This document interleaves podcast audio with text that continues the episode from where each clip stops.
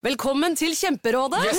Denne gangen har vi fått inn et kjempedilemma fra en familie. Okay. Jeg leser Hei, vi er litt uenige i familien her. Mm. Hvis du skulle vært et dyr, ville du hatt gjeller eller vinger? Oi, den er tricky. Ja, Hva ville dere hatt, da? Altså, jeg vet ikke, men Med familierabatt får du ubegrenset data fra Telenor fra 399 kroner. Da kan du scrolle seg til svaret, rett og slett. Ja, ok, Men for min del Ja. gjelder. Nei, nei, Gjelder. nei, vinger. Nei, nei, gjelder. Ja, okay, ja, Kjempebra. Men eh, se nye mobilabonnement på telenor.no, da. Sektoralarm presenterer Barn som lyver om nøkler. Jeg var ute og spilte fotball med gutta, og så la jeg nøkkelen i gresset, og så kom det en struts, da, eller en flamingo eller noe sånt, og bare tok nøkkelen, og så ble den borte, bare nøklene og strutsen, eller spurven. Sikkert. Uansett, akkurat nå har Sektoralarm kampanje på boligalarm og dørlås med kode istedenfor nøkler, slik at barna alltid kommer hjem til en trygg bolig. Les mer på sektoralarm.no. Nå lønner det seg å hamstre påskekosen hos Ark. Ark inviterer nemlig til påskefest med skremmende bra nyheter, pocket fra 99 og 40% på alle spill og puslespill. Ark-påske betyr rett og slett mye påske for pengene. Så fyll opp med påskens favoritter i nærmeste Ark-butikk eller på ark.no.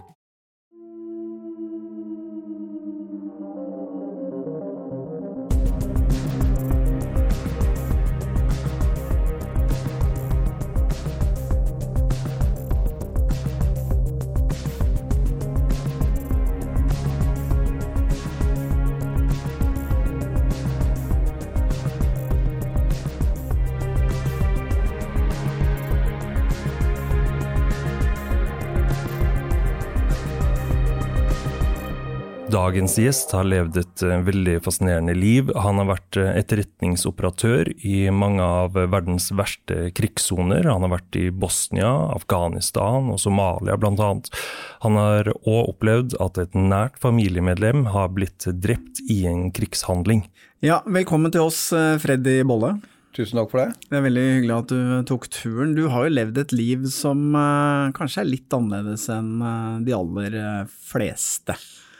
Ja, kanskje litt, men jeg ser ikke helt sant på det. Men eh, mange, mange sier det, ja. ja. Det er jo ikke mange som har vært i krigsområder, eh, vært ute med Forsvaret i eh, ja, Afghanistan, Ja, i Somalia, ja. andre steder. Libanon og Kosovo og Bosnia. Det er ikke så mange som kan si at de har gjort akkurat de tingene. Og så har du jobbet mange år med, med barnevern. Ja, jeg har vel vært um, jobba med sånne såkalte verstinger, som pressen har kalt det en gang i tida, da, i 27 år. Det har jeg gjort. Mm. Men du, du har noen brødre. Du eh, hadde kanskje en oppvekst som gjorde at eh, det ble naturlig for deg å velge Forsvaret. Kan du ikke fortelle litt om det?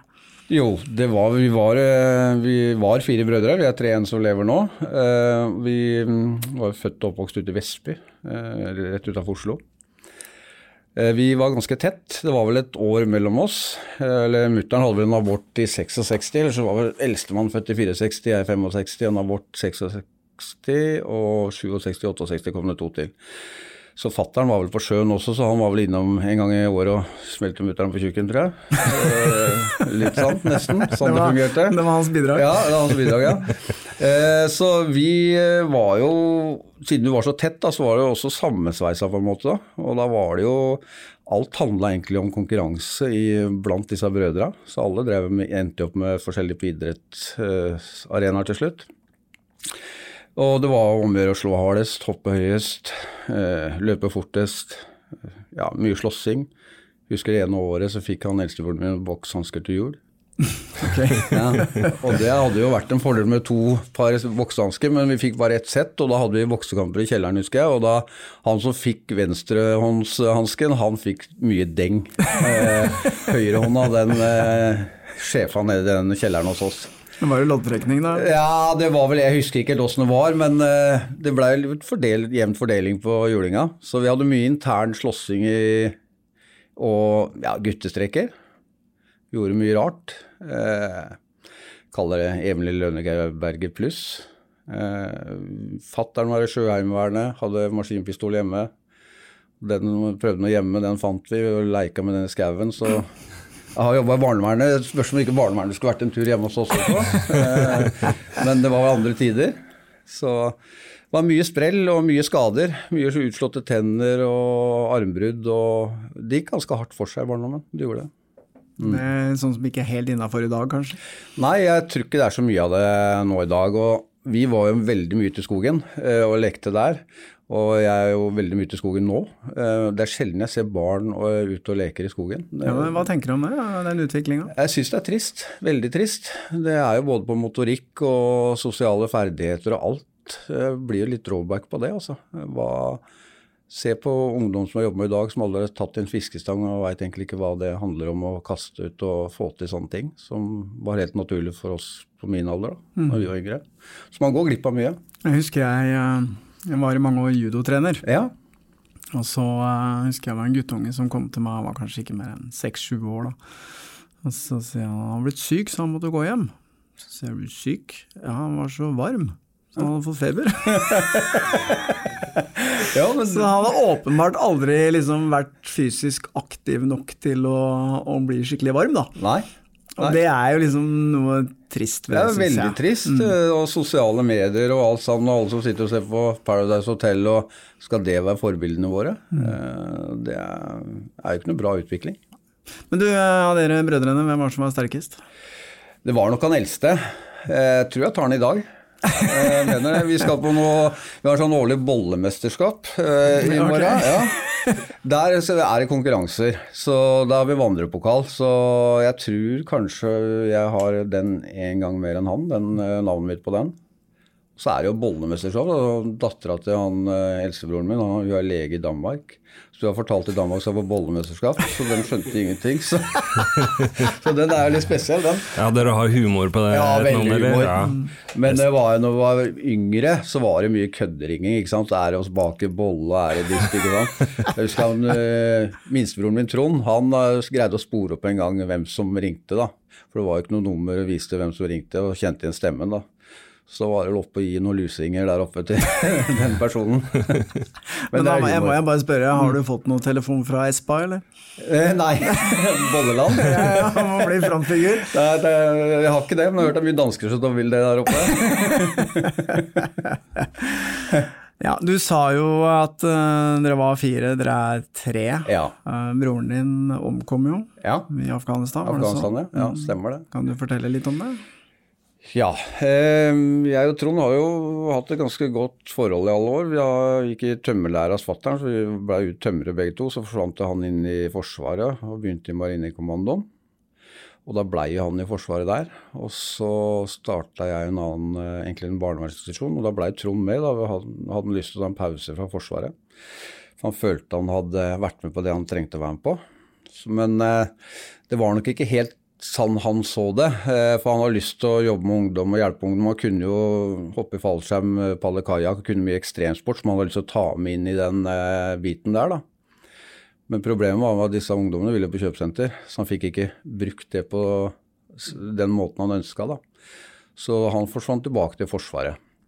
Og da holdt vi kontakten, eh, ja, mye besøk og gode greier der. Og så var det en eh, I 2010, 2. mai, så var det en eh, norsk gruppe med marinejegere og kystjegere som gikk på en smell der nede. Da ble det ni norske skada. Og da var Trond sjefen for han, eh, disse marinejegerne som var der. Og de, han ene ble vel sendt hjem. Ja, det var mye, det var mye en ganske kraftig greie. Og da skulle de måtte sende erstatningsmannskaper nedover. Og da kom han, eh, var vel uka før han reiste ned, eh, innom meg på jobben i Son, der jeg jobba.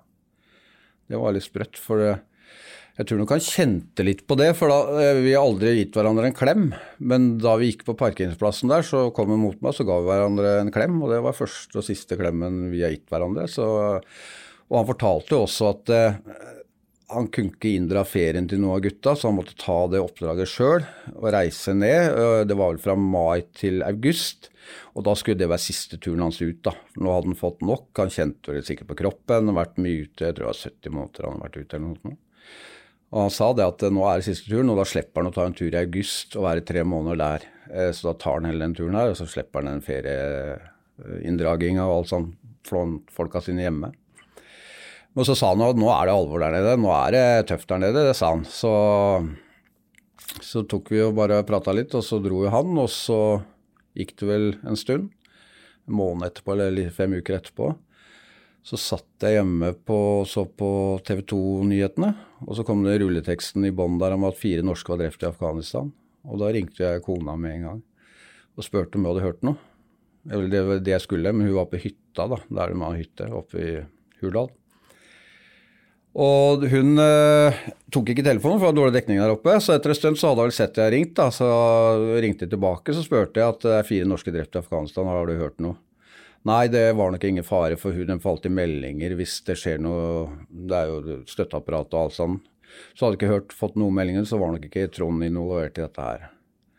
Nei, men så bra, sa jeg. Men eh, ring meg tilbake etterpå hvis du hører noe. Ja, så klart det skal jeg gjøre. Og da gikk det vel en halvtime, så ringte hun tilbake.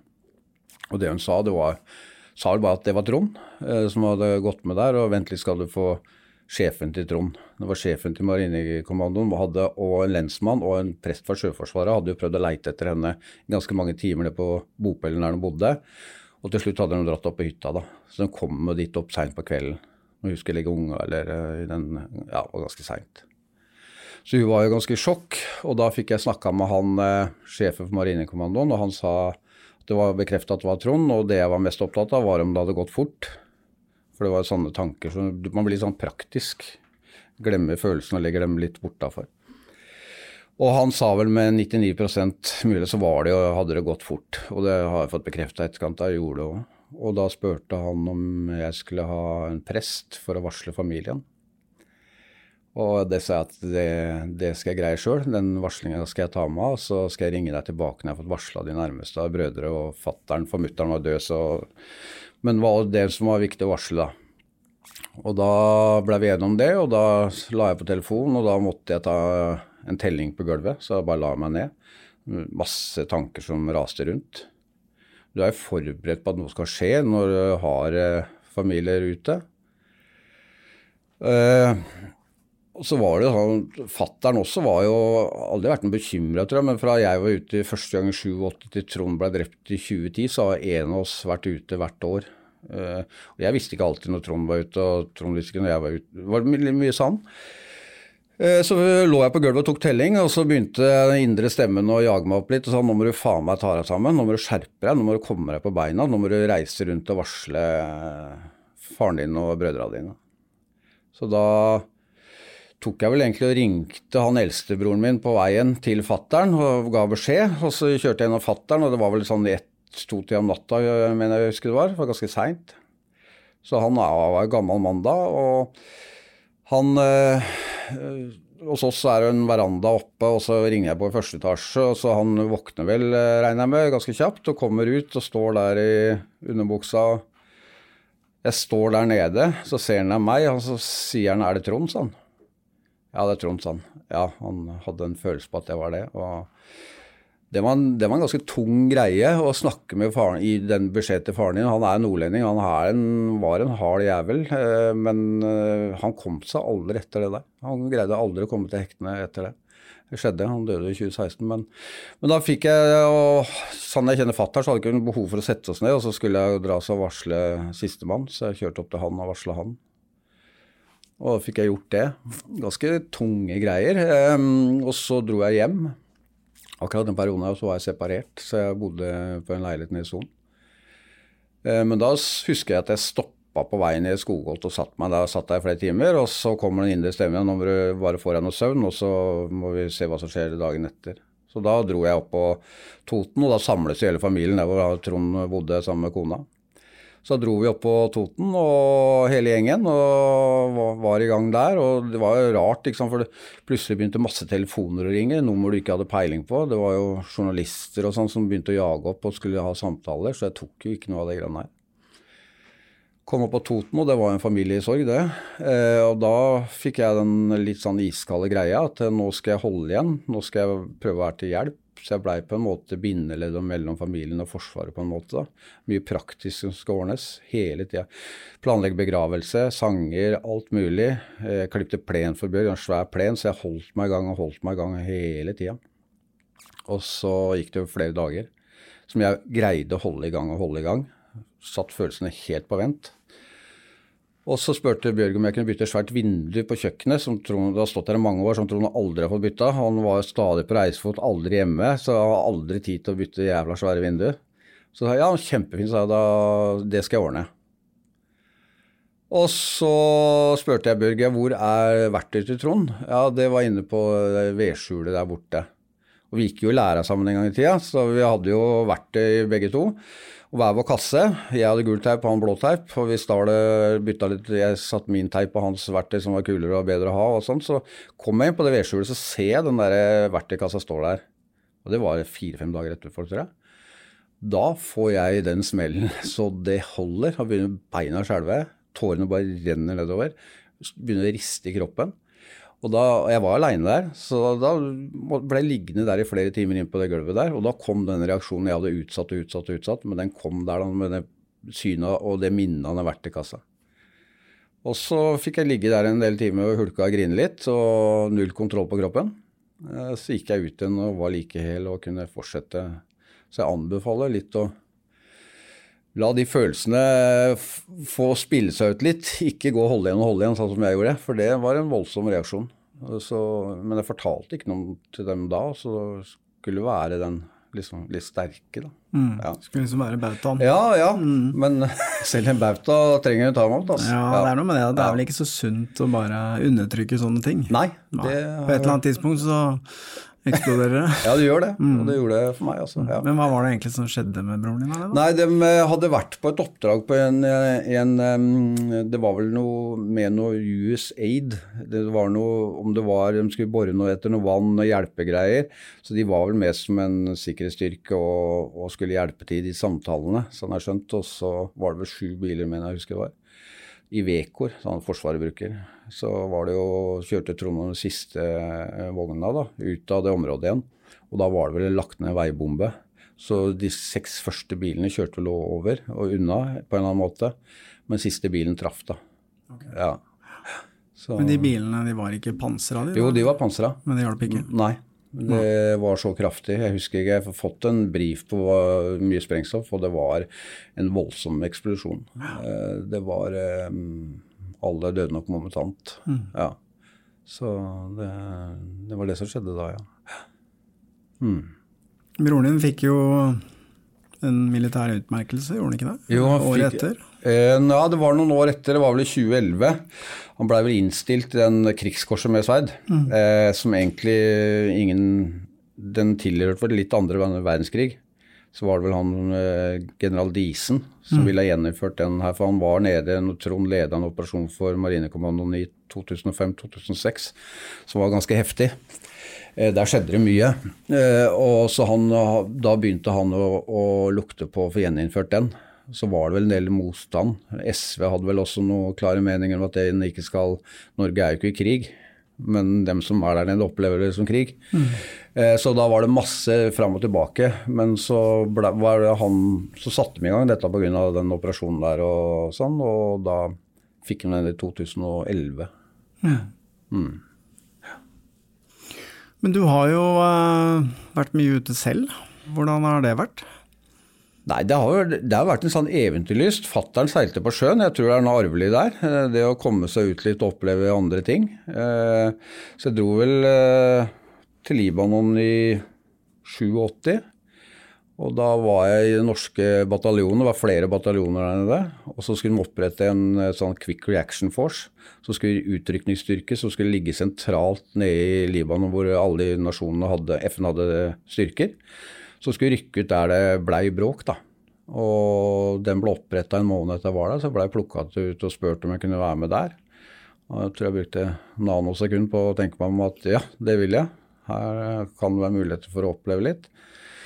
Det er ikke at jeg er tøff eller noe som helst på en måten der, men det er den eventyrlysten, og du har lyst til å være med i litt i den spisse enden, da. Så da ble jeg overflytta dit, og der eh, var jeg der i fem måneder. og Da var det mye patruljering, og skrev testamentet for første gang som en 20-åring eller 21-åring. Vi skulle inn og ta over en leir som en eh, gruppe der nede, Amal-militsen mener jeg det var, eller Hezbollah, hadde tatt over en nepalsk eh, FN-posisjon. Og da skulle vi inn og ta tilbake den posisjonen, og skrev, satt og skrev eh, testamentet og sånn, og det var litt rart, for at ja, og skal arve av meg. Jeg hadde stereoanlegg som jeg hadde på avbetaling, Var eneste. Så, så det var mer sånn der, jeg er glad i dere alle og litt sånne ting. Ja. Men en rar, rar følelse. Hvordan gikk den operasjonen? Nei, den blei shutta down. Det skjedde ikke, for den militsen trakk seg ut av leiren. Så vi satt jo på vent. Og glemmer alle Du sitter på et vent, du skal på et oppdrag. Det er den derre svettinga, den rare følelsen. Det er mye tanker som flyr gjennom hodet der. Altså. Og da sitter du og lager plan A, B og C i huet ditt, og hva som skjer, og sjekker at våpenet er på plass, at sanitet, at du har eh, ting på plass. Altså. Mye som foregår. Ja, det kan jeg godt tenke Gå litt meg. inn i en boble. Men du har også vært i Somalia, i Mogadishu? Ja, har jo- vi har vel alle sett den filmen Black Hawk Ja, Down, eh, stemmer det, som ja. er liksom fra Mogadishu. Det så ganske dramatisk ut. Hvordan Ja. opplevde du det? Nei, det, jeg kom vel ned Jeg tror det var to uker etter at det hadde skjedd. Så det var jo mye amerikanske skader. Ja, du kom ned rett etter at det skjedde? skjedde, ja. det ja. Mhm. Det var jo norske styrker der, men jeg kom eh, i sånn, noen som var vel kontingent to eller tre. Så vi var jo og trente her hjemme vi, når vi så det skjedde. Så, så det var jo en voldsom greie. Og Mogadishu var vel det stedet, rareste stedet jeg har vært, sannsett med anarki og lovløshet og, og leveforhold eh, der nede. Nå gikk jo FN inn for å hjelpe til med mm, hjelpeforsyninger, for det var jo sultkatastrofe. Og mange av de klanene der nede stal jo hjelpeforsyningen og brukte maten og alt sjøl, eller solgte til andre. Så det var jo ikke noe kontroll. Og da gikk jo FN inn med ganske store styrker. Jeg tror det var 28 000 mann til sammen. Amerikanerne var jo tungt inne med hangarskip, det var jo helikopter Det var voldsomt militært apparat der nede, altså. Det var det.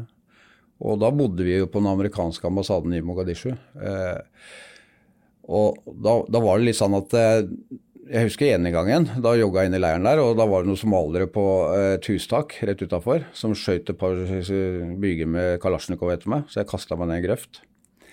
Og det var inni leiren, så, men de hadde ikke så stor oversikt over leiren heller, for amerikanerne har vel skutt i stykker en del hus rundt hele ambassaden da, for å dempe innsynet. Men eh, da fikk jeg kasta meg ned, men da var det to sånne US Marine snipere, for de hadde sniperoppdrag på hele ambassaden. De tok dem ganske kjapt ut, da. Men selv om du hadde høye skuldre inni leiren, så var jeg jo noe som het livvakt i skortelaget. Så vi var ute og kjørte i Mogadishu eh, så å si hver dag. Med tyske stormpanservogner som vi hadde fått flydd ned fra Tyskland og leid. Eh, når du dro ut av leiren da, så var det jo en helt eh, annen hevning av det indre alarmselskapet du har inni hodet ditt. Da Da var det jo mye høye skuldre, og du blei veldig var på lukter, alle sanser i syn, hørsel, alt blei skjerpa. Eh, jeg husker jo også at eh, jeg skulle på perm hjem til jul, og da var det nesten sånn at eh, det er ikke det at jeg er noe særlig religiøs av meg, men sånne høyere makter la meg i hvert fall komme ut til jul og treffe familien min, da. Ja, ikke sant. Så, så kan jeg heller ta kvelden når jeg kommer ned igjen. Det var litt sånne tanker. Men det er sikkert en beskyttelsesgreie, det også, tenker jeg. Og der var det også mye forskjellige ugreier som skjedde der nede. Jeg kan du fortelle om noe av det? Ja, én episode. Der eh, vi hadde kjørt eh, noe personell ned til flyplassen fra ambassaden. Og da kjørte vi to sånne Tepset Fox-vogner. Kjører dem ned, og så kjører vi tom eskorte tilbake. Da, altså bare mannskapene. Og da har du, på de vognene så er det en MG, det er et ganske stort maskingevær, eh, foran og bak. Og så har du en vognkommandør, og så har du en sidesikrer med en AG3 og, og kanskje granatkaster på den. Da, så det er, det er greit bevæpna. Og der nede så kjører du tett, da du kjører som kuk i ræv, hvis det er lov å si her. Men, Ja, det- er- det er lov. Det er lov å si, ja. Du får ikke slippe noen inn i eskorte og få noe mellom. Så skal du ligge tett og stor hastighet, og veldig trangt nede i Mogadishu. Små gater og sånn, så vi hadde valgt en rute tilbake, og da skjer det noe i front. Da kjører jeg noen bakerste vogna, sjåfør på den. Og så ser du at folk begynner å løpe. Eh, frykt i ansikter. Du hører ikke så godt smellinga, for det bråker jo inn i vogna. Eh, det gjør det. Det er en skuddsikker vogn med, med små glass. Det ser jo ut jeg kjører og sånn. Og så får jeg en liten gleppe til den vogna foran, så går det på sambandet at eh, det er så Det er skuddveksling i front. Vi veit ikke hva det er, men det nytter ikke å stoppe og ikke snus. Vi må bare bånn gass og rase gjennom. Og når jeg får den eh, lille glippa mellom meg og vogna foran, så ser jeg at det er, jo folk Noen er skada, noen ligger skutt i gata, så er det voldsomme greier. Og så er det skyting eh, mellom hus i den gata, så det spruter murpuss og alt mulig. Og da begynner tankene fy faen, som du nevnte i stad, blackout down. Sånn, amerikanere var kappa noen huer og litt forskjellig der nede. Du har ikke lyst til å få en RPG i vogna og bli sittende fast der nede. Da er du jo ferdig. Så det er masse tanker som flyr gjennom på en gang, men du skal jo løse det du skal òg, men da får jeg kjørt oppover, og så ser jeg det står en mann i en døråpning litt lenger opp på venstre side for meg. Og han har en kalasjnikov i hånda. Står og peker skrått oppover og er, står klar til et eller annet. Det skjer jo mye på en gang. Dette skjer jo jævlig fort. Eh, og da har jeg en som står ved siden av meg i setet. Han står med en MG, da, maskingeværet, ganske stort et, som skyter med belter. Og han skal sikre 180 grader i front, det er hans oppgave. Så jeg skal slå han på låret, så jeg ser bare beina på han, for å gjøre noe varsel om at eh, på venstre hånd der så er det en trussel. Men akkurat da jeg skal gjøre det, så er jo han skjønt at eh, den trusselen er reell, eller at det er noen som står der og er klare. Så akkurat da vi feier forbi, da, da jeg kan tippe tre meter, fire meter bortenfor meg pga. trange grater på venstre hånd, så står jo han og skyter og løsner skudd fra døråpningen. Og da tar jo han som står ved siden av meg og bare sender det inn der og skyter han inn der. Så er vel det også noen opp på vogna som hjelper til å få eliminert den trusselen. Da. Og da er det jo, kommer jo helskinna igjennom og tilbake til basen, da. Og da får du liksom parkert vogna og alt sånt, så får du en litt sånn skjelvinga og litt, nesten litt tics og ja, her ble jeg gått unna. en voldsom reaksjon av alt adrenalinet, kan jeg tenke Ja, det, det blir det. Og da var det flere som bare valgte å Presten hadde telt der nede. Bare gå inn der og sette seg ned der og ta fem minutter, og noen jekka noen øl, og det var sånn man debrifa på den tida der. Ja, så forskjellige måter. Du har vært i Afghanistan òg? Ja, jeg reiste ganske tidlig. Det var vel eh, et par uker etter at de kjørte flya inn i tårnet der, så fikk jeg en telefon fra Forsvaret om jeg kunne reise, så jeg var egentlig klar ganske kjapt etterpå. Men av diverse omstendigheter så fikk ikke jeg og en til lov å reise så tidlig, så vi dro ikke før ned i januar 2002 eh, og dro ned dit. Hvordan var det å komme ned dit eh, da, da? Da har du bygd opp en viss erfaring med å være i krigsområder eh, rundt omkring. Og min oppgave da var å snakke med mennesker, finne litt ut av spillet der nede. og Reise rundt og treffe forskjellige figurer. Og det, det var jo en ekstrem variant av islam, på en måte, i forhold til Bosnia. Det er jo islam der òg, ikke sant, og Mogadishu, men det her var nok mer ja, hva skal jeg si, konservative. Eh, og et land som var i ruiner. Mye korrupsjon. Eh, folkeslag som ikke var så begeistra for hverandre. Hazarer, tsjetsjiker, pashtunere. Eh, og det å jobbe inn i det miljøet der og finne ut av ting og Du bodde i et hus, da, du bodde ikke i en militærleir. Du leide deg et hus og bodde der og jobba derfra. Det var ganske spennende. Sov jævla lite. For, for det, du måtte jo skaffe deg noe sikkerhet, og da måtte du ha noe lokale. Hvor mye kan du stole på dem? Eh, så det var mye bein og armer og alt sånt, men eh, et interessant oppdrag, det, det var det. Mm. Men hva var det liksom mest dramatiske som skjedde for deg i Afghanistan? Der nede, hva skal jeg si, ja, det var vel eh, Det var vel det der Vi hadde ikke noen bil når vi kom dit, da, så vi kjørte rundt en gul liten taxi. Og det var jo ikke noe sikkerhet i akkurat det. Eh, Så det var mye nesten-greier der nede. Men ah, vi hadde folk inn som skulle inn på huset vårt. Skjønte at eh, her er det folk med penger, ikke sant. Men er det litt sånn betegnende for norske forsvarere? Altså Reiser ned til Afghanistan og leier en drosje? Nei, det er det, er det ikke. det, er, det er det ikke. Eh, nei da, eh, det var jo den spesielle type jobb, da. Så du må gjøre det på den måten der. Eh, så fleste bor jo i leire og med andre. Så det nok, er nok litt utafor normalen. Ja, fordi jeg vet at du ikke kan snakke så veldig mye om dette, men du kan kanskje si noe. Men du jobbet jo rett og slett for Etterretningstjenesten. Ja, det stemmer. Så jobben din var jo egentlig å samle inn informasjon, da. Ja. Mm, og det er jo litt sånn hemmeligstempla og litt Ja, mystisk og skal ikke snakkes om og sånn, men kan du si noe i det hele tatt? Ja, jeg kan jo si at du møter jo mye forskjellige figurer der ute. Eh, som du skal bli kompiser med og sånne ting. Og da må man svelge mye kame- kameler noen ganger, med snak, sitte og snakke med krigsforbrytere som du egentlig har lyst til å bare ikke ha noe med å gjøre i det hele tatt. Så mm, det er sånn etikk og moral. Uh, sett mye som er ugreit, og du må sitte og svelge.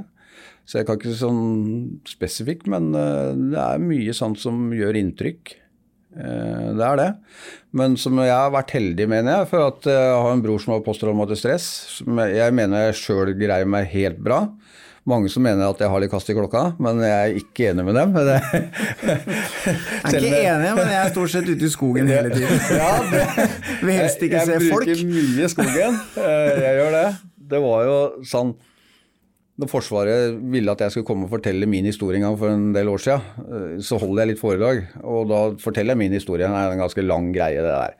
Jeg holder på i to og en halv time, jeg blir jo totalt utslitt av det. Eh, Men da ringer dem og spør meg om jeg kan komme på en sånn veterankonferanse i Tromsø og holde den. Så sa jeg at nei, det kan jeg ikke, for jeg har ingenting å fortelle. Og da sa jeg jo, du har masse å fortelle. Nei, det har jeg ikke.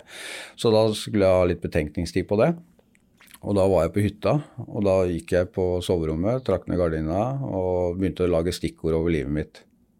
Helt fra barndommen oppover, da, for å bare se om jeg har noe å snakke om på den eh, hvis jeg skal si ja. Og da fikk jeg en sånn total runter inn i huet mitt. Da ble jeg svimmel og måtte slå av lyset og måtte bare ta det helt med ro i mange timer der inne. For da, da dro jeg fram alt det som jeg kasta bak i den svarte boksen og sleppe å tenke så mye på. Eh, Så, så jeg har vært heldig. eh, Selv om her hjemme, hvis jeg drar på en restaurant, så er det greit å se hvor nødutgangen er, sette seg litt og se hvem som kommer ut og inn. Sånn som jeg kom inn i studio her i stad, så sitter jeg med ryggen mot gata. Dere har oversikt over gata. Det er uvant. Jeg ville ikke ha valgt den frivillig. Nei, okay, jeg nei, det tenkte ikke jeg på i det hele tatt, men det jeg er det på var et trygt ubehagelig. sted. Ja. Og det er kanskje litt sånn kast i klokka, da, men jeg tenker at det er en sikkerhet som er grei å bruke. Nå rommet da, nå har du oversikt over gata, Ja, nå, men, men, ja. men, men du har en dør bak deg. Ja, men du hører jeg, ikke jeg hører det går i den. Nå høres jeg gæren ut, altså, men jeg er ikke gæren. Altså. Nei, men det her er jo litt interessant, fordi det betyr jo at eh, det du har vært med på, det gjør jo at eh, det har jo skjedd noe med hodet ditt i den forstand at du alltid er litt på vakt. Det skal jeg ikke nekte for. Og det har sikkert noe med jobben i barnevernet å gjøre òg. Med 27 år med ganske Ja, jeg digger disse ungdommene, men de har fått en feil start. De driver med kriminalitet, de raner, de eh, ruser og alt mulig. Og mange av de ungdommene er hjemme hos meg og drikker kaffe. Jeg har kontakt med, har vært i barnedåper og alt sånt, så du får en godt eh, greie til disse ungdommene. Men i en fase i livet de kommer til oss noen ganger, så er det en dårlig start i livet de har hatt. Og de gjør mye desperate ting for å bli sett, eller for å stikke av. Og alle de har jo med seg en historie ikke sant, som jeg har veldig respekt for, og da prøver jeg å ha sånne verktøy i forhold til det. Om å bruke mye humor og bygge relasjoner for å gi dem en større plattform som de kan få et godt liv seinere. Være et forbilde på mange mulige måter. Så er det masse sånn eh, jeg må gjøre med dem, og jeg føler at det fungerer veldig bra.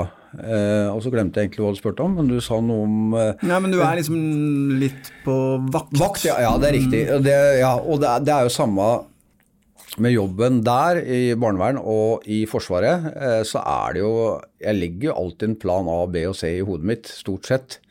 Og så er det på jobben i barnevern, så går du alltid litt med heva skulder der òg, så du er beredt.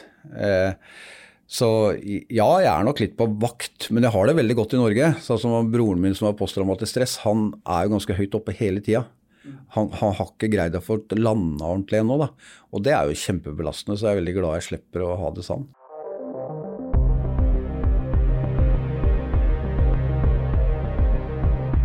Sektor Alarm presenterer Barn som lyver om nøkler. Jeg var ute og spilte fotball med gutta, og så la jeg nøkkelen i gresset, og så kom det en struts, da, eller en flamingo eller noe sånt, og bare tok nøkkelen, og så ble han borte, bare, nøklene og strutsen, eller spurven. Sikkert. Uansett, akkurat nå har Sektoralarm kampanje på boligalarm og dørlås med kode istedenfor nøkler, slik at barna alltid kommer hjem til en trygg bolig. Les mer på sektoralarm.no. Men la oss snakke litt om det, for jeg tror ikke alle ute der helt vet hva posttraumatisk stress er. Hvordan, altså, man forstår det at man har vært gjennom noe som har vært litt uh, Farlig kanskje, Ja. og så får man jo reaksjoner på det, men hvordan, uh, hvordan reagerer man på det egentlig? Ja, det tror jeg er veldig forskjellig. Jeg har mange kompiser fra Forsvaret som er, dårlige, er, dårlige og har vært ganske dårlige. Så det er, det er mye angst. Sosial angst. Redd for folkemasser. Redd for å gå inn i et fly.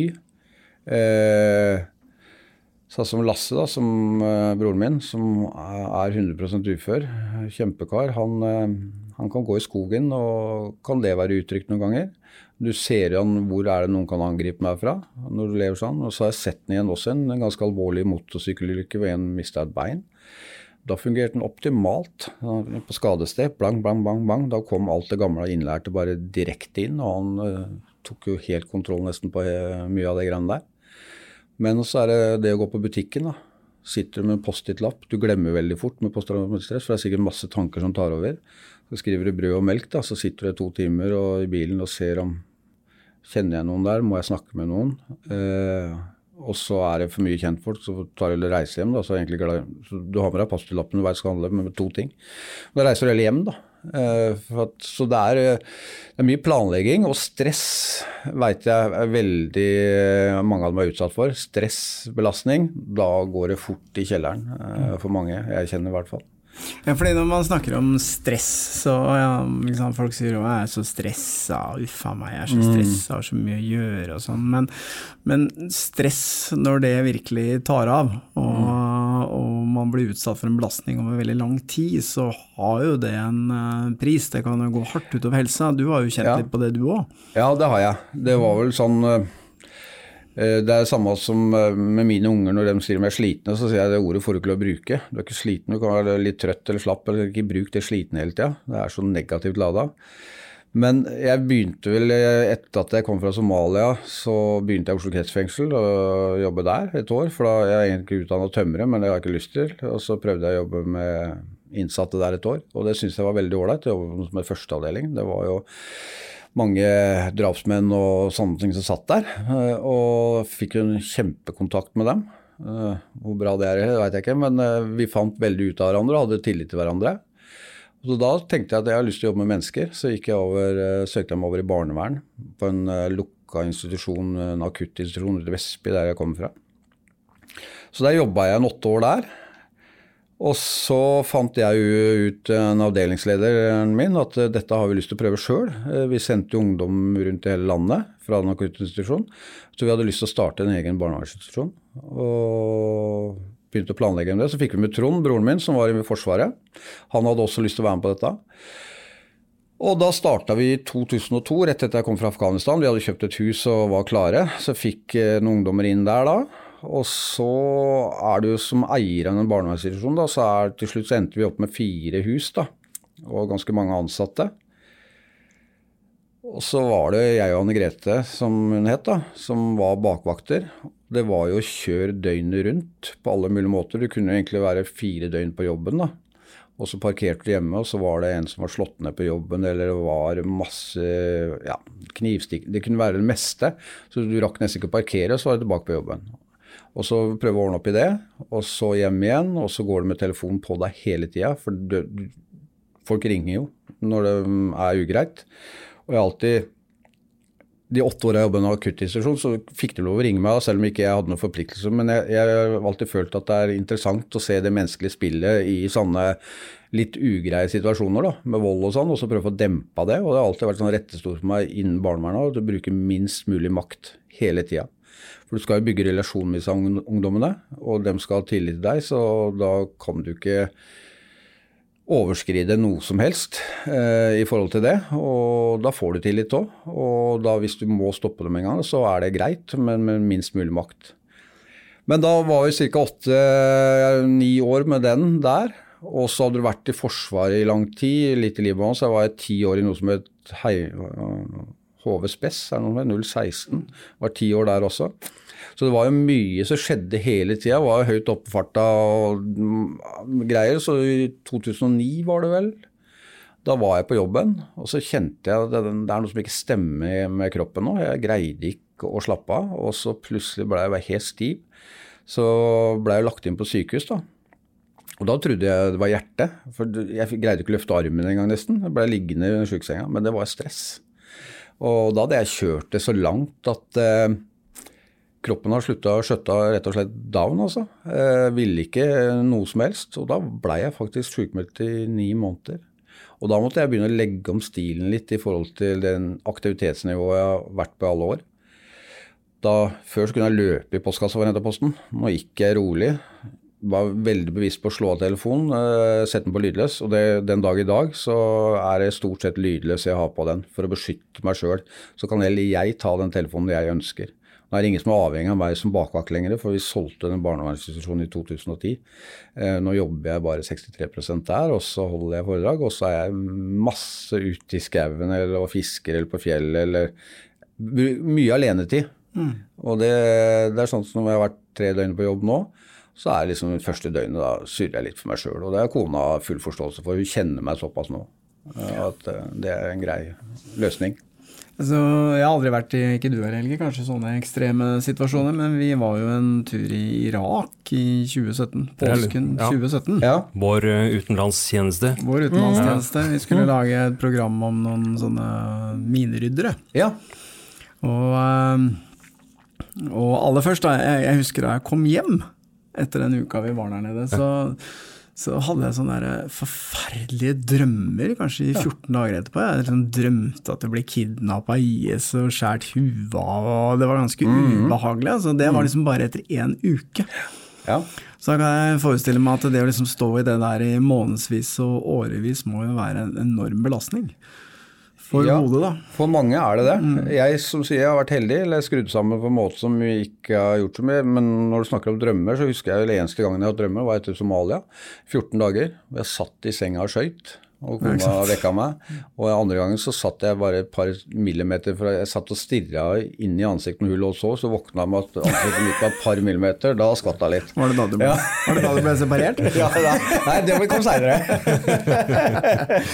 Nei, men Litt tilbake til den eh, turen, da. fordi uh, igjen, jeg, vi har jo ikke vært i nærheten av noe du har vært i nærheten av, men jeg, jeg husker veldig godt at vi, eh, vi bestemte oss for å reise til eh, fronten ved Mosul. Da IS fortsatt eh, hadde kontroll på den byen og liksom helt ut til den kurdiske hæren. Og, Ja. og rett før vi skulle dra, så sier han ene kjentmannen vår at eh, ikke for å skremme dere, altså, men det er ikke så mange uker siden en amerikaner ble skutt i hodet som satt i en tilsvarende bil som dere av en snikskytter. Da bare kjente jeg Det tror jeg er første gang eneste gang i livet mitt jeg har kjent på en sånn der dødsangst. Ja. Det var helt jævlig. Det var sånn Jeg husker at Altså, den følelsen av, av at eh, Skal jeg reise ut der med det der eh, lyse, blonde håret mitt og skille meg ut som en Ikke sant? Var det inne på tanken å stoppe det da? eller? Jeg husker jeg argumenterte litt for at er dette så veldig fornuftig, men så Pusha jeg på noe veldig. Pusha jo Helge på noe veldig. Ja, riktig. Ja, ja, ja, ja. Så vi, vi endte jo opp uh, 20 minutter fra Mosul eh, by, i en uh, litt mindre landsby som heter Tel Keppe. ja. Og så Den var jo bomba eh, sønder og sammen. Det var kun ruiner eh, i den byen der. Men eh, vi gikk jo rundt der, vi så blant annet et eh, keyboard. Sånn, midt Ja. i en sånn der ruinhaug, så plutselig så lå det et sånn keyboard som var bare eh, Det var ikke støv på det omtrent. Nei. Og eh, det, det var sånn åpenbart, eh, fikk vi fortalt, da, at det var, det var en felle. Ja. Ja, for hele byen var jo da full av uh, sprengladninger. Ja. Og det som var sånn ekstra ekkelt, var jo at det lå en sånn line, sånn snubletråd, ja. inntil en skole. Og det var sånn pass dere for den der snubletråden der, for det er en svær tønne, vi tror kanskje det er noe sprengstoff og noe greier. Og så, ja ok, vi skal passe oss for det da. Og så eh, var det to løshunder. Byen, og de der løp fram og tilbake over den uh, snubletråden. Er dette så fornuftig? Og så sier de Ja, de sa at nei, nei, de hundene de passer seg for den tråden. Ja. Ok, Ja, ja, eh, hver gang da? Eller? Godt trente. Godt trente rabiesbikkjer. Jo, men jeg, jeg ser jo når dere sier det, så dere var jo litt i andres hender, da. ja. Når jeg er ute sjøl, så har du ansvar for egen sikkerhet, du har bevæpning, så du er, det er litt på en annen måte. Så dere var mer sårbare, tenker jeg. Veldig, altså. Den bilen var jo ikke pansra eller noen Nei. verdens ting. Men, eh, men det positive her det er jo at da vi liksom kom helt ut i fronten, så ble vi jo møtt av eh, en eh, Altså, jeg har aldri blitt tatt imot som en rockestjerne noen gang, men jeg blei det da. Og det var jo middag, det var oppvartning, Ja. og det var fotosessions, og det var liksom ikke måte på med denne kurdiske hæren. Uh, og, og det var jo en veldig fin opplevelse, da. det var det, var det var det. De var vel sikkert glad for at dere kom ned og dokumenterte. Og, De var det, Ja, ja. Mm. For de følte vel ikke helt at de fikk eh, all ære av den jobben Nei, nei, de hadde sant. gjort ikke sant? for å presse tilbake IS. da. Så det var jo tidenes påskeaften-måltid for vår del. Ja. det var jo et langbord på, på 15 meter der. Med all verdens Hele leiren sto Ja. rundt og, og spiste. burde ikke bli igjen der, da. Det var Rockestjerne hele tida. Men, eh, og, og det, der, det du sa om det, i, at bilene skulle kjøre så tett, Ja. det, det var kanskje det som var noe av det mest traumatiske der nede. Fordi gutta vi var med der, de hadde jo òg en sånn der militærkjørestil. militær eh. Ja. Så de, den trafikken var jo helt vanvittig. Så det, var, det er jo kanskje en av de, de mest farlige situasjoner, Det var jo i trafikken. ja, ikke sant. Du Du kjører har ikke 100 kontroll. km i timen med 20 cm. Ja. ikke sant? Og jeg klarte da, Vi hadde en egen livvakt. ikke sant? Ja. Han var kjempehyggelig. Han mm. passa på oss hele tiden. Men han kjørte den ene bilen. Og jeg klarte jo da på et eller annet tidspunkt å si til han at det, unnskyld meg, men du hadde ikke giddet å bare kjørt med litt mer avstand mellom bilene. Og, og, herregud, han ble fornærma. Han ble fornærma. Ja, ja. Tenk å fornærme sin egen livvakt. Da vil han ikke prate mer til oss. Ja, men det var, sånn, det var en halv meter. Ja, Ja, jeg og- synes det var skikkelig. Og hastighetene, ikke sant. Ja, ja. Og sikkert ingen av dem som har førerkort heller, Nei. vil jeg tro. Nei, for det, det her var jo ikke militære som passa på oss. Det Nei. her var jo private folk. Ja, Jeg aner ja. ikke med hvilken bakgrunn de hadde. Sikkert noen militær bakgrunn. eh, Kanskje, eh, kanskje. Han hadde et våpen i hvert fall. Ja, ikke sant? Ja, Skuddsikker vest. Ja, skuddsikker vest, ja. Han så, så mildt. Men eh, det gikk jo helt fint. Eh, jeg behandla mine inntrykk der og da, på stedet. Ja. Drømte ikke om det i etterkant. Nei. Men jeg derimot uh, kom hjem med et snev av posttraumatisk Ja, ja, ja. stress. Det er mye inntrykk, sikkert. Og finne de verktøyene som kan prosessere det, da. Eh, Det er jo det. Og da tenker jeg flink til å glemme ting, altså. Og så er det noen som sier ja, pass ikke svarte boksen blir for full. Nei, det er noe med det. Mange år senere så er var det det du sa at du havna på sykehus. Ja, Mange år ja. senere så fikk jeg turen inn på Ullevål, jeg også. Ja. Med, men jeg var helt sikker på at nå, nå hadde jeg fått hjerteinfarkt, men uh, glemmer aldri legen som kom inn dagen etter og sa vi finner ikke noe gærent med deg, altså. Nei. Stressa, eller? Ja, ja ikke sant? Og da sa han ja, men jeg er så sliten. Nei. Ja, er så sliten. ja, men det var en skremmende opplevelse. Ja, det er klart det. Det er du føler at du mister helt kontrollen. eh, Nei, ikke noe ålreit i det hele tatt. Så den eh, Nei, men så det er jo samme klubben, da. Samme klubben. Ja. Hjerteavdeling Bullvoll. De Ja. Var den Irak-turen for tre år siden. Det var den Irak-turen Ja, som endelig gjorde utslaget. Men, men hvordan er det for din del å, å uh, snakke om de tingene her gang på gang?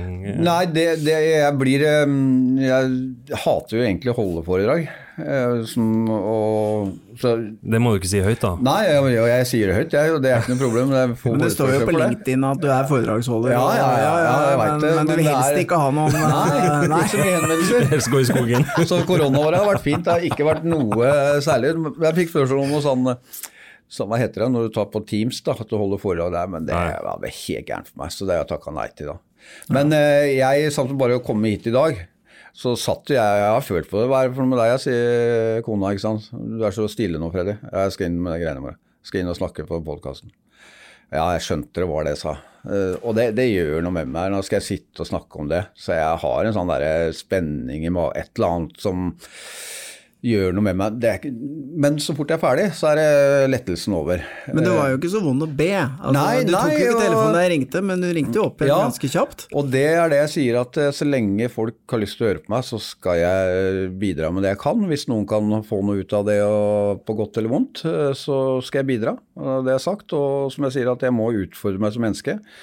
Eh, Jeg dauer ikke av å holde foredrag, men det er litt eh, uggen og dårlig stemning og sover litt dårlig og sånn. Men eh, på grunn av jeg er ikke bygd for å stå foran menneskemasse og prate, egentlig.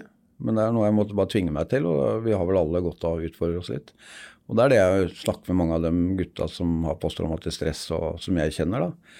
At uh, utfordring er viktig, altså. Og, Selv om du får litt sterke reaksjoner? ja, så får du heller bruke noe verktøy. da, så Gå og sette deg i bilen og gjøre et eller annet og slappe av på en annen måte etterpå. Altså. men for uh, hvis du lokker verden helt ute, så blir det bare mer vanskelig etter hvert. Uh, I hvert fall min erfaring. med jeg Jeg, husker godt at det satt i ganske lenge, fordi eh, i etterkant av den hendelsen så hadde da samboeren min eh, den gangen en litt sånn ekkel opplevelse på jobben Ja. Fra en sjef. Mm. Så husker jeg ble så forbanna. Så jeg ringte til liksom han her administrerende og fortalte han akkurat hva jeg syntes om eh, det greiene der. Ja. ikke sant? Og etter den samtalen så måtte jeg legge meg ned i tre kvarter. Det måtte jeg, ja. ja. Men hva- vet du, jeg klarte nesten ikke å gjøre noen ting. Jeg var liksom bare helt Og det var én telefonsamtale hvor jeg hisset meg opp litt. Da. ja. Riktig. Ja. Så det er ganske fascinerende da, hvordan, Mm. eh, hvordan kroppen liksom reagerer på, på sånne ting. Ja, da. hvordan vi er skrudd sammen, og så mye forskjellige mønster. da. Mm. Det er ikke tvil om det. Det var jo det samme dere snakker om eh, IS som var der nede. Jeg hadde også en episode med hvor eh, pressen ringte meg, i Dagbladet for en del år siden. Da var det lagd en video om noe, eh, noen som havna der nede det området dere var. De lagde en video om eh, norsk deltakelse i Afghanistan. Og der var det jo trusler mot statsminister og utenriksminister og norske soldater og terrorister i Afghanistan. da, At de drepte barn og alt mulig. Og Den videoen ble lagt ut på YouTube, men den var ganske tatt bort ganske fort. Så ble vel han arrestert, han som hadde lagd den. Og, og da ringte Dagbladet meg, for da hadde de brukt noen kister av brutter'n og dem som døde, i den videoen. Eh, Jeg så den ikke sjøl, men det var jo journalisten fortalte om det, hva jeg syns om det. da. Og da var brutter'n var drept noen år før det, det var vel i 2012 dette her. Og det syns ikke jeg noe særlig om. Så har vi ytringsfrihet i Norge at dem kan ytre så kan jeg ytre meg òg. Og da kom jeg med noen uttalelser om for å markere litt. Jeg sa vel den patetiske lille gjengen der, den bryr jeg meg ikke noe særlig om. Og ja, det var noen uttalelser som Ja, kan jeg sitere deg på det? Ja, det kan du. Og jeg tenkte hvis ingen andre skal forsvare det, kan i hvert fall jeg, lille meg, forsvare dem. Og si at dette er ikke greit. Så det kom ut, øh, var vel Dagbladet, ja. Og så var det en fredag, og så holdt de noen st- demonstrasjon utenfor Stortinget den fredagen, de islamistene, om øh, norsk deltakelse i Afghanistan. Og da gikk jo jeg inn øh, etter jobben, rett på Facebook, for å sjekke trusler, for jeg forventa mye trusler inn. øh, At hvordan kan jeg våge å uttale meg, eller nå skal jeg tas, eller et eller annet, da. For når Trond døde, så opplevde jo kona masse på sin innboks av falske profiler ikke sant, som ble oppretta. Og vi takka Allah for han drepte han terroristmannen din og masse så stygge sånne ting. Så jeg tenkte det kommer mot meg òg, så jeg dro hjem. Men det skjedde ingenting på fredagen. Sto opp på lørdagen og sjekka igjen. Da var jeg separert i en periode, der, så jeg bodde aleine i en leilighet i Son. Eller et rekkehus. Ja, ingenting på lørdag heller. Da tenkte jeg faen, skal jeg klinte litt ekstra, eller for å trigge dem? Ja. Og det er jo dårlig konsekvenstenking, for jeg har jo familie rundt meg òg, ikke sant. Så jeg, jeg Det er mange mål, hvis noen vil, da. Og søndagen var det ingenting. Og så på mandagen da ringte politiet, da. For da hadde de snappa opp at jeg skulle tas, da. Og da ble det et voldsomt eh, kjør. Mye planlegging. Eh, Da bygde jeg om eh, den leiligheten min til type fort, rett og slett. Jeg kunne forsvare hver del og rullegardina nede. og så denne forsvarshjernen min begynte å slå inn da, noe med beskytte og sånne ting.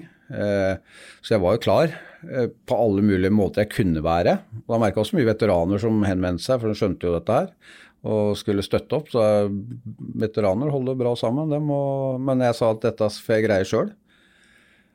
Lasse som kunne tilby seg å komme, og han som er fosterhjemmet han var- kunne sove på sofaen nede. Og sa nei, det skal slippe det, sa jeg. Så, men da blei det mye styr. Og da var jo politiet og planla og sånne ting. Og da husker jeg bodde i en sånn rekkehus med fem hus etter hverandre. Og så på ene enden der borte så var det en som bodde i en kommunal leilighet. En jævla ålreit kar, men han var narkoman, da. Så drev og deala og solgte litt. Så jeg glemmer aldri når jeg kommer på jobben etter at politiet har vært der. og De, de kjørte patruljer mye rundt og full bevæpning, skuddsikre vester, maskinpistoler. Alt. De tok det jo veldig seriøst. Da sto han ute på parkeringsplassen, og han narkomane kompisen eller han som bodde der borte. Og med litt knekk i knærne, stakkars. Og han også 'fy faen, Bolle, hva er det som skjer da? Det er jo snut overalt, jo'. og så butikken hans ble jo slått av ja, i ti måneder den perioden. Han fikk ikke solgt noen ting. Stakkars kar. Syns du var verdens dårligste nabo? ja, veldig. Men da, men da var det sånn at eh, da sjekka jeg under bilen når jeg dro på jobben om morgenen og alt sånn. Men så var det jo det at eh, du har jo barn, da. Eh, Eksen som jeg er sammen med nå, har aldri fungert så bra som det gjør nå, men da hadde vi et lite opphold. Hun hadde jo syklubb, ikke sant. Dette varte jo i ti måneders tid. Så hun hadde syklubb og bytta på hver måned. ikke sant? Og folk i nærmiljøet i Vestby-området skjønte jo dette, for det var så mye politi hele tida rundt omkring. Så hun Det var ingen som kom til henne på syklubb i den perioden der. Hun måtte alltid reise rundt. Ja. Men jeg har vel hørt av politiet i etterkant at det har aldri vært så lite kriminalitet i Vestby på den tida der. Nei, det kan så synlig politi er jo en bra greie. Det er preventivt. Ja, det er ikke noe helt lure på det. Nei da. Det hender jo at vi legger oss ut med folk eh, på kontoret her Ja, i podkasten vår, men Mm. eh, jeg har gått litt andre veien, da, for jeg vokste opp med en svær rottweiler, husker jeg, som Ja. faren min hadde, som passa på hele tiden. Så jeg har kjøpt en rottweiler, så Ja. hun begynner å bli bra størrelse på nå. Ja. Så nå føler Helge seg ganske trygg. Han er innynda altså, hos den hunden hele veien. Fra starten, fra hun kom på kontoret her for noen, eh, en, to måneder siden og var bare en liten valp. Ja. Og da var bare rett på å begynne å kose, kose, kose. Så hver dag er det kos. Strategi, det. Ja, Ja. Hun knurrer fælt på de som går forbi eh, utenfor her. Var snill mot meg, Ja, ja. Men hun har vaktinstinkter, altså. Ja, ja. Det har jeg lagt merke til. Ja. Hvis hun hører noen hun ikke liker, så Ja, men det er jo lurt i den bransjen deres å tenke preventivt, da.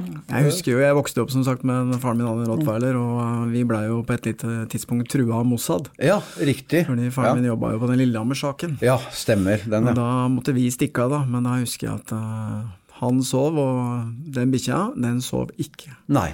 Han patruljerte absolutt uh, hele huset hver eneste natt. Såpass, og passa på alt som var av vinduer og, og dører og alt som var. Ja, for Mossad kødder du ikke med. Nei.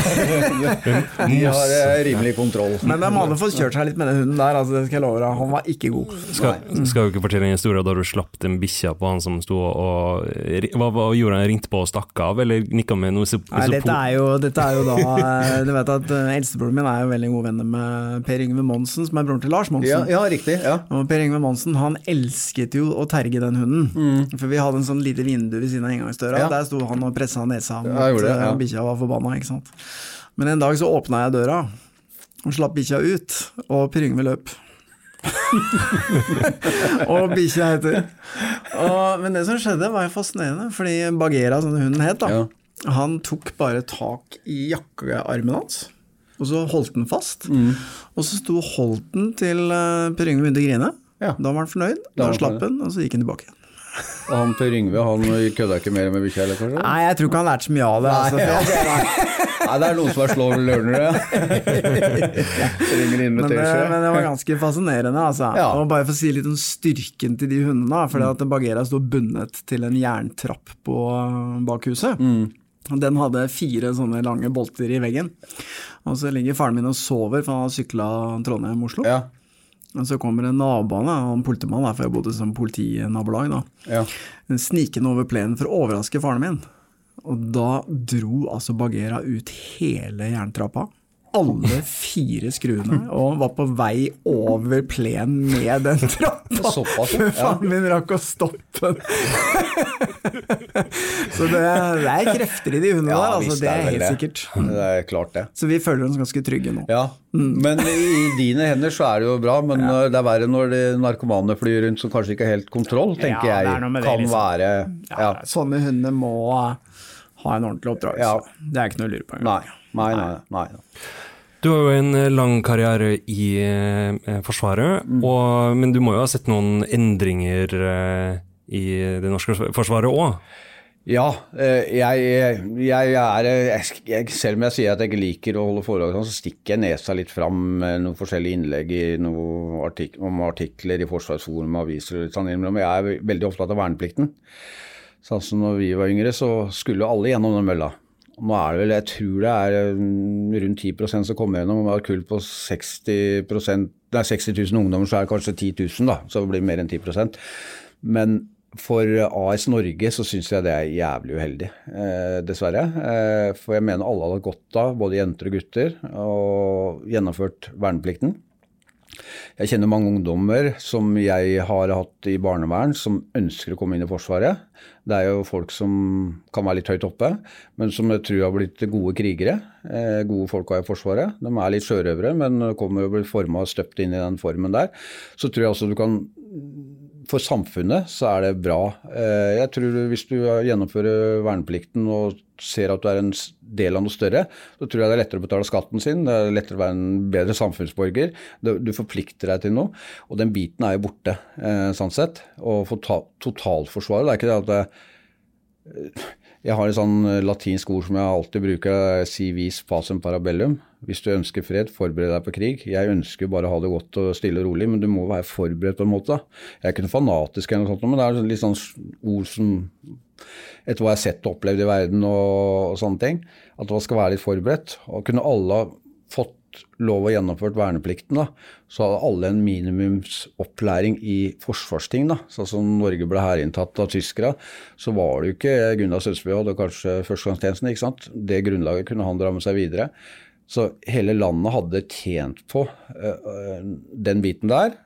Og at du blir en bedre samfunnsborger. Kanskje Ali fra Romsås kan dra opp til Vardø og være der sammen med andre og ligge i et knappetelt og kjenne på den greiene der. Du får en mer tilhørighet på alle mulige måter, tenker jeg. Mm. Eh. Jeg, var, jeg, var, jo inne i det siste året hvor det var obligatorisk ja. Eh, førstegangstjeneste. Og sånn når jeg ser det sånn i ettertid, mm. så jeg fikk jeg jo utrolig mye ut av det. Eh, neste år så var, gikk jo plutselig disse lønningene opp til de få eh, som kom inn da. Mm. Eh, så vi satt og tenkte det, det, var det som var surest, for vi visste at de som kom inn neste år, de fikk masse eh, penger. Så, så, ja. det, men, men uh, i etterkant så ser jeg på det som et veldig fint år. Var jo i Gardene, var jo ikke ja, uten, utenlandstjeneste, riktignok. Men det, det, er veldig godt poeng det du kommer med der, at mm. uh, det er liksom uh, karakterbyggende for de som går gjennom det, selv om det ikke har vært i, i skarp action. Ja, ja, ja. Liksom. Nei, ikke noe problem. Men, men kanskje sånn for militærets del så vil det jo ende opp med et bedre resultat, vil jeg tro, da, når jeg husker tilbake på hvordan eh, vi eh, var selv. For liksom, da var jo Rubbel og Bitt som kom ja, inn. Ja, alt kom inn. Og, og, og liksom, det var mange som var lite motiverte og, mm. og skulle snike seg unna alt det der. Mens nå får du liksom de som faktisk ønsker seg inn dit. Du, du, du, får dem som ønsker deg inn dit nå. Nå er det kamp om plassene, ja. og, og da er det jo viktig at det ikke er bare teoretikerne med femmer og sekser på skolen. Du trenger sjørøverne òg, som er krigerne som kanskje ønsker å bli. da. Mange kanskje søker krigsskole og sånne ting på karrieresteg. Så er de og får den, og så slipper de ut igjen. ikke sant? Eh, så, så det er en balansegang, men jeg tror nok Forsvaret er inne på noe verneplikt. og sånn Erik Kristoffersen har vel fronter litt forskjellige ting. Eh, en god eh, forsvarssjef som tenker kanskje litt annerledes. Men, så det er klart det koster penger da, å kjøre alle gjennom verneplikten. Men jeg tror det er vinn-vinn for staten og Forsvaret, og personlig. da. Sånn som på min alder så kan jeg treffe folk som var, var i marinen for 30 år siden. Dritkjedelig tjeneste et eller annet. Men det, det minnet og det det bygde, det sosiale treninga, alt det der, det er bare pluss. Selv om det er kjedelig. Det er klart det er mye dødtid og kjedelig, det er det i alle jobber. Men øh, jeg syns det er tap for AS Norge altså, at øh, det ikke går. Men gudskjelov så har vi jo Kompani Lauritzen som er med på Det har man, ja, ja, Har du sett på det? Ja, det har jeg fulgt med på. Kunne du tenkt deg å være med der, eller? Jeg er ikke jeg noe kjendis, da, så da, øh, Ja, sant nå, det er jo kjempeartig. Ja. Hva, hva tenker du om det opplegget der, er det tøft? Ja, De får jo kjørt seg, eh, men det fins vel tøffere utfordringer enn det. Altså, Det er ikke i nærheten av Ja, jeg veit ikke. Jeg har ikke vært så mye Ja, jo, jeg har vært på mye forskjellige runder av avhør og plagsomhet og mye greier. Men eh, nei, de, de får jo kjørt seg. De gjør jo det. Men det er en kort periode. Ja, det er ikke så mange ukene. Nei. Stein, Stein Morten, eh, det er jo en stund siden du var i førstegangstjeneste, men eh, Stein Morten ble jo tildelt et veldig stort ansvar da han var i sin førstegangstjeneste. Jeg er spent. Det sier egentlig litt om uh, Forsvaret den gangen, altså. Fordi jeg, jeg hadde en toårig uh, IT-utdannelse da jeg dro inn i, på rekruttskolen i Luftforsvaret. Og etter to måneder så ble jeg flytta over til Akershus festning uh, for å håndtere mobiliseringssystemet til Luftforsvaret. Og Der satt jeg sammen med løytnant eh, fram til jul, da jeg dro inn i juli. Og så det siste halvåret så dro han på kurs. Så jeg aleine hadde altså hele ansvaret for å mobilisere Luftforsvaret. Hadde du? Ja, hvis, hvis det skulle bli krig! hvis jeg tenkte dette her er galskap. Ja, ja det, det er ganske spesielt. Ja. Hvis det ikke var noen baksystemer som tok Ingenting, seg av det var meg. Ja, det var deg, ja. Ja. Det jo bra, da. Det gikk bra. Gudskjelov så skjedde det ingenting. Ja, faen meg. Men det er jo sikkert en del ungdom i dag som, eh, som har lyst til å reise i Forsvaret, drømmer om å bli fallskjermjegere, marinejegere, reise ut i krig, eller i hvert fall reise ut for å oppleve ting. Har du noen gode råd å gi til dem? For det første så må de eh, ikke slåss og få noen anmeldelse på seg eh, i det hele tatt, for da kommer du ikke inn. For det er så mange som vil inn, så må du holde stien din ren. Gjør litt fantestreker og vær litt gæren, men ikke gjør noe kriminelt. Eh, begynn å mm, mentalisere inn i hodet ditt eh, hva du skal ut på. Søk på internett om forsvar, begynn å forberede deg på alle mulige måter. Det er mange om beinet, så man bør være rusta hvis man skal eh, komme gjennom de nåløyene der. På alt mulig innen forsvarsbiten. Tusen takk for at du kom til oss, eh, Freddy. Jeg hater å innrømme du er litt eh, tøffere enn oss, men eh, Det er jeg ikke. men, men det har vært veldig fascinerende å høre på deg, og vi ses kanskje igjen på et Ja. senere tidspunkt. Takk for at jeg fikk komme. Hyggelig. Avhørt er produsert av Batong Media, og all musikk er laget av Georg Roås. For å komme i kontakt med oss, gå inn på Facebook-siden Batong Media.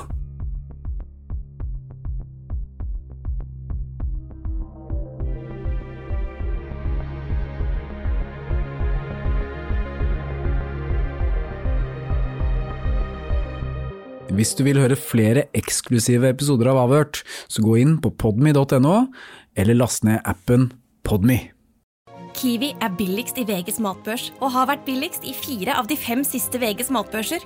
Og nå presser vi prisen på påskevarer fram til 1. april. På 1,25 liter assortert Henning Olsen sørlandsis presser vi prisen fra 74,90 helt ned til 49,90. På assorterte 250 ml Cevita og Bendit smoothies presser vi prisen fra 1990 helt ned til 12,90 pluss pant. For det er vi som er prispresserne. Og vi i Kiwi gir oss aldri på pris.